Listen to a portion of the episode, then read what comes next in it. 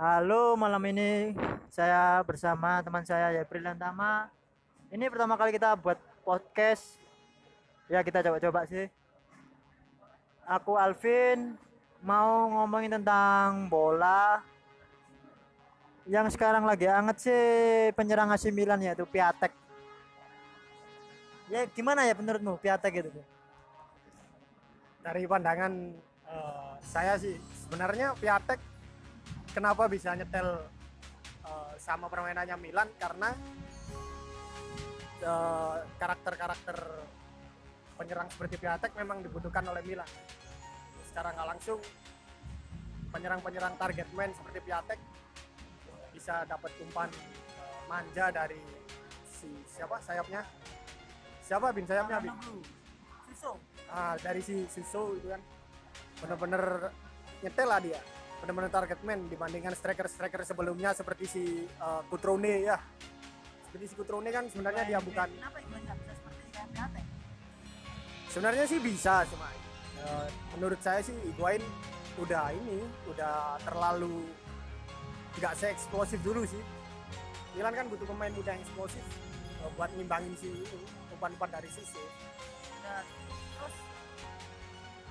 Kemarin Milan kan juga beli kayak Andre Silva itu kan juga masih muda dari Portugal. Tapi kenapa kok nggak bisa ini permainan setelah dia pindah ke Sevilla dia makin banyak gol. Ya, seperti sih yang uh, yang nggak bilang tadi pemain-pemain seperti uh, Andre Silva sama si kan dari karakter permainan udah berbeda jauh sebenarnya sih Andre Silva kan bukan striker dia dia sebenarnya striker lubang lah kayak second striker kalau kita uh, kita jela- kita jelasin karakter uh, posisi sebenarnya. Sebenarnya dia bukan striker murni seperti si Piatek. Piatek kan bener-bener target man lah karakternya target man dia. Dia cuma cari umpan cari ruang cari umpan matang dari para penyuplai bolanya. Dia bisa ngimbangin si Suso lah Calnoglu kan dari sisi sayap ya sedangkan si Andre Silva dia lebih kayak eh, tipe-tipe pencari bola sebenarnya kalau kenapa di Sevilla dia main bagus karena di Sevilla dia ditaruh di posisi attacking midfielder sebenarnya di belakang striker bukan jadi striker murni kenapa nggak berkembang di Milan sih sebenarnya juga jadi pertanyaan cuma kalau menurut saya sih emang salah posisi aja sih. Oke, makasih buat tanggapannya untuk di Milan. Kali ini kita kembali ke negara kita Indonesia. Eh, aku pengen ngomongin tentang pemainnya Persebaya yang baru ini nomor 9. Kemarin habis kuatrik. Iya, Amido Balde. Awal-awal lihat Amido Balde datang ke Persebaya sih saya meragukan. Saya meragukan. Eh, ternyata bisa ngegolin 4. Terus yang baru itu siapa? Lizio. Lizio, Lizio itu dari klub mana kalau bertahu? Eh, saya sih nggak tahu ya Lizio dari klub mana tapi yang as- pasti dia eh, pendatang baru dari Argentina kan? Saya juga belum lihat sih skill-skill sebelum bermain di Indonesia nya gimana. Eh, dari press release resmi Persebaya pun katanya dia Raja Nutmeg kan? Raja Kolong. Ya kita lihat aja besok lawan Persidagu. Sabtu besok atau Minggu besok kita lihat aja. Kalau dia turun mungkin kita bisa nilai skillnya. Untuk Amido Balde sendiri sih menurut saya masih belum teruji. Kenapa? Eh, dari dari dari segi lawan kan ya? Oh, iya. dari segi lawan aja lawan Persingangawi masih belum lah. Masih Ngawi lu punya bola, punya bola. eh baru tahu ya tadi ya belum teruji lah dari lawan-lawan back eh, klub-klub besar masih belum teruji. Jadi kalau dia bisa kuatrik sih sebenarnya first impression yang bagus cuma ya kita tunggu aja aksinya kalau lawan klub besar kan awal dia bisa sekarang si David da Silva atau gimana saya belum tahu Ah, Buat buat buat pemain baru satunya tuh siapa namanya? Jalilov. Jalilov itu dari mana? Ah. Kalau sebenarnya sih Zalilov lebih untuk mengisi kekurangan yang ditinggalkan sama si Robertino. oh iya.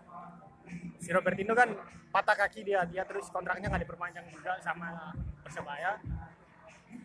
Tapi menurut saya sih Zalilov juga kurang pas kalau disuruh gantiin Robertino. Sebenarnya dia juga striker sih, second striker juga. Kemarin waktu lawan Ngawi kan dia ditempatkan di belakangnya Balde kan. Iya. terus gelandangnya diisi sama si Miss Bagus lah sama gelandang-gelandang eh, model-model pengatur serangan yang lebih ke dalam bukan playmaker sebenarnya kalau istilahnya sih regista ya si Miss Bagus itu cuma untuk kemarin sih lumayan bagus walaupun nggak eh, nggak nggak eh, nggak banyak nyumbang gol cuma satu. Cuma dari segi permainan sih emang lawan Ngawi kemarin belum bisa dilihat sih bentuk permainan Persebaya kayak apa kayak bener-bener gimana. Belum soalnya belum teruji juga Ngawi juga nggak terlalu kompetensi untuk backnya kan. Bisa kita lihat gol-gol dari si Amido Balde dari gol-gol dari si Jalilov lebih ngandalin dari postur tubuh daripada skill juga itu sih kalau buat Jalilov banyak sekali ya dari pemain-pemain baru kita bahas. Menurut Mas Yepri nih, kita ngomongin persebaya aja karena kan kita fans berat persebaya. Kita, kita kan bonek mania. bonek menurut saya sih sekarang itu nggak seperti dulu yang bonek yang kelihatannya itu urakan, yang nggak bondo ya, bondo kan bonek kan bondo nekat just nyali aja nggak punya uang kayak orang pasti mikirnya kayak gitu kan. Dulu kan waktu bonek zaman ja- jahiliyah kan. Bonek keluar 10 November. Itu kalau nggak kalau nggak salah saya itu masih umur 9 tahun. 9 tahun berarti kelas berapa ya? SD Mas Yan. Saya terakhir ke Gelora. November waktu itu saya diajak teman saya bonek umur 9 tahun lawannya Persekapas berangkat dari rumah nggak punya apa-apa eh, naik truk gandol bawa uang bawa uang cuma 5000 masuk itu nunggu jebolan. Itu sih. Tapi eh, stadion yang paling legend itu 10 No- November. Dan nggak ada ada sih duanya. Karena dalamnya itu ada pohonnya tuh nggak ada yang lain tuh bos iya makanya dua dua kan. Persebaya punya 10 November Gresik punya Petrokimia. Gimana cerita sampai waktu bonek dulu? Terakhir ke Gelora 10 November sih kalau nggak salah kelas 2 SMA SDM diajak saudara saya lihat lawan apa? Persibom atau apa? Bolang Mengudu klub dari Sulawesi. Itu. kelas 2 SDM ya. Tapi masuknya bayar sih. Masuknya bayar. Kalau nggak salah cuma 10.000 ribu dulu tiketnya apa sih yang bikin kangen waktu kita lihat persebaya? Sebenarnya sih waktu kalau di 10 November lah Nah, kalau kalau dari aku sih atmosfernya ya. Nggak ada yang ngalahin 10 November sebenarnya. Kita bisa ngerasa lebih dekat lah dengan pemain itu. Kita bisa lihat lebih jelas. Emang sih secara kapasitas nggak terlalu besar juga sih stadion Gelora 10 November. Cuma atmosfernya benar-benar ngena gitu kalau main di 10 November.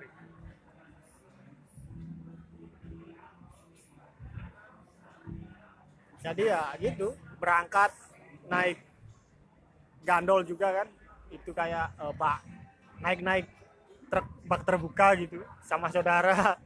Hampir kesasar juga. Dulu nggak tahu lah jalan di mana itu Tambak Sari itu kan. Ya alhamdulillahnya bisa sampai sana terus bisa lah bisa lihat persebaya pemain di kelas 10 November itu kenangannya bener-bener lah. Sekarang pindah ke stadion yang baru sih sebenarnya lebih bagus sih. Bisa buat koreo juga kan ya. Eh, jadi ya hebat lah. Kalau sekarang mungkin lebih ini lebih bagus buat koreo udah ada ini juga. Ada squadnya sendiri-sendiri. Nah kayak Green North. Berpasut ber ay nggak ada gitu nggak berpasut oh salah ya? Tribun Selatan. Berpasut itu hilang ya? Gila. Tribun Selatan gitu. Kan. Jadi macam-macam lah. Untuk Mas Alvin pernah kita Gelora Bung Tomo? Terakhir kemarin sih saya waktu nonton lawan PSIS Semarang Eh, kita bareng kita nggak bareng cuman kita ketemu cuy Ah, iya, iya. kita selesai nonton kita ketemu itu di gerbang gerbang depannya patung bajul kalau nggak salah sih lupa itu sih pertama kali saya nonton di Gelora Bung Tomo. Waktu dulu kan juga pernah sih Persebaya lawan KPR. Sampean pernah dulu lihat? lawan GPR sih dulu lihat ya soalnya jarang-jarang persebaya lawan klub luar apalagi GBR gitu kan masih di Premier League. Nah, ada pemain-pemain kayak dulu itu penyerangnya Fernandes Soler. ah penyerangnya persebaya di Fernando Soler yang cetak gol juga lewat blundernya kiper timnas Inggris itu Robert Green, Robert Green Green Force. oh iya, namanya juga Green. ah Tadi dia mau apa? Dukung Persebaya sebenarnya itu. pemain bayaran berarti ya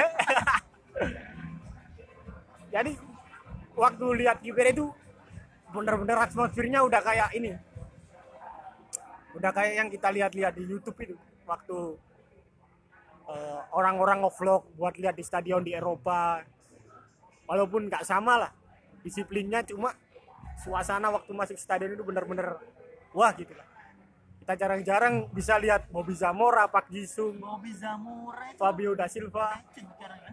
Pak Hmm? Jisung, ah Pak. Jisung. Udah tuir sekarang ya. Ah udah pensiun itu sih Pak Jisung. Itu. Penerusnya itu sekarang ya, Yon Semin. Nah, Song Heung-min, Son Son Heung-min, Son Gokong. Song Heung-min itu walaupun beda posisi, wah udah udah nggak wonderkid lagi, udah udah jadi Wonderwall, next Wonderwall. next next. oh asis Wonderwall. udah jadi the next kayaknya. Mungkin dia nggak mau disamain Pak Jisung. Dia ingin jadi Hong Song Min bukan next Pak Jisung. Tapi waktu itu lihat Persebaya bisa cetak satu gol udah, wah udah kayak berasa juara kita. Ngomongin ngomongin pemain Asia. Kenapa Indonesia nggak bisa kirim pemain kita itu bisa main di Premier League? Gak kayak Jepang sama Korea bisa kirim pemain-pemainnya main di Premier League. Nah, kalau di Premier League sih banyak yang nggak tahu ya kenapa kok para pemain dari Indonesia lah, dari mana lah, Thailand lah, nggak bisa main di Premier League karena Premier League memperlakukan peraturan bahwa tidak semua negara pemain dari negara walaupun udah timnas nggak nggak semua pemain dari negara yang eh, nggak nggak masuk ranking nggak masuk ranking 100 ke bawah FIFA bisa main di Premier League Itu regulasi dari Eh, Premier League. regulasi dari Premier League sendiri seperti itu. Contoh nyata, dulu saya pernah tahu ada pemain Irak yang bawa juara Irak, juara Piala Asia 2007 pun nggak bisa masuk ke Premier League. Si siapa lupa aku namanya, kapten Irak gitu kalau nggak salah. Dia dapat tawaran main di Premier League. Dia mau berangkat cuma dia nggak bisa karena terbentur legal- regulasi itu. Soalnya waktu itu negara Irak juga nggak bagus-bagus amat di ranking FIFA dan dia juga nggak ada eh, history main di klub Eropa juga. Walaupun dia bawa negaranya juara Piala Asia. Nah itulah kenapa pemain Indonesia se- sebaik apa pun sehebat apa pun nggak bisa langsung masuk Premier League.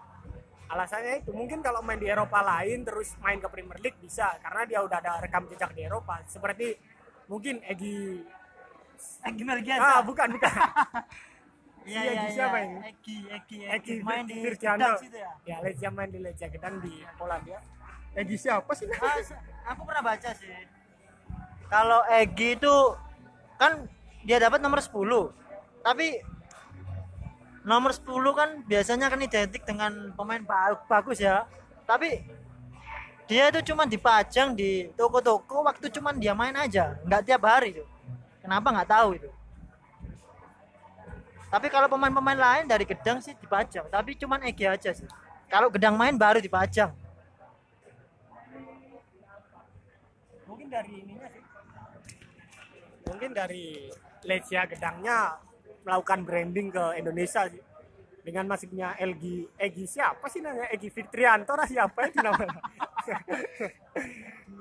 Egi ah lupa pokoknya si Egi itu kan Egi, Egi Maulana Malik Ibrahim. Ah, Egi Maulana Fikri, Egi Maulana Egi Ibrahim Sunan itu, Pak. Lebih melakukan ini sih, branding ke Indonesia. Dengan masuknya si Egi ke Lesia Gedang kan orang Indonesia tahu klub Lesia Gedang. Sebelum Egi mana ada yang tahu Lesia Gedang kan? Gak ada yang tahu apa itu Lesia Gedang klub dari mana. Dengan masuknya Egi, secara branding dia juga bagus. Walaupun menurut saya alasan Lesia Gedang rekrut Egi sih bukan cuma branding ya. Si Egi Maulana Fikri juga punya skill sebenarnya. eh, beberapa saat ini beberapa saat lalu sih sebenarnya waktu Liga Polandia dia udah melakukan debut sih walaupun sebagai pemain pengganti belum main full 90% eh belum main 90 menit jadi kalau menurut saya view- win-win solution lah bagi si Egi sama si Lesia Gedang juga menurut saya sih skill skill Egi juga nggak nggak buruk-buruk amat lah dibandingin skill pemain Eropa sih ya hampir sama lah kalau skill pemain Eropa mungkin perlu dikembangkan lagi sih ini. perlu dia perlu visi permainannya seperti apa gitu kalau menurut si Egi ini. jadi itu sih mungkin Egi kapan-kapan bisa main lah di Premier League Ah, untungnya ya pemain-pemain bagus itu nggak main di Liga Indonesia sih, Liga 1. Kenapa? Ini Indonesia di Liga aja masih amburadul. Pemain pemain pemain-pemain bagus sayang lah kalau main di sini tuh. Regulasi masih belum teratur. Kapan ya kira-kira Indonesia tuh bisa kayak Premier League? Meskipun ya asa nggak nggak nggak menutup mata Premier League tuh juga punya mafia-mafia yang ya tahu sendiri lah kayak mafia Italia kan gimana mainnya mereka tapi nggak. Gimana ya? Susah jelasinnya cok aku yakin pasti Premier League itu punya mafia tapi mafianya itu mainnya rapi. Semua itu diatur kayak yang megang FA itu FA sendiri nggak ngurusin klub. Klub bisa berdiri sendiri. Terus hak siar TV juga pembagiannya rata setiap semusim habis pembagiannya kalau nggak salah itu 50 25 25 kira-kira nih kapan ya Indo- Indonesia bisa kayak gitu? Kalau ngomong Liga 1 sih males sebenarnya ya. Kalau nggak ada persebaya juga nggak nggak mungkin aku nonton Liga 1 sih. cuma kalau ya Liga Negara sendiri ya kalau mau harapan seperti Premier League sih sebenarnya sih mau-mau aja mau lah. Tapi kalau instan sih nggak bisa butuh waktu mungkin 20 15 tahun lah.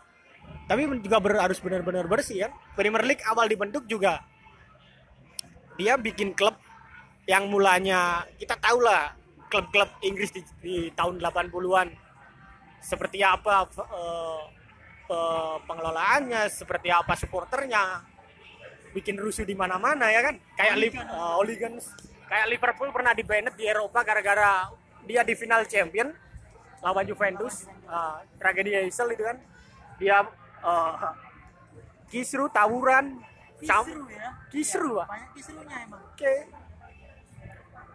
Bener-bener ini sih. Eh, pengelolaannya seperti itulah.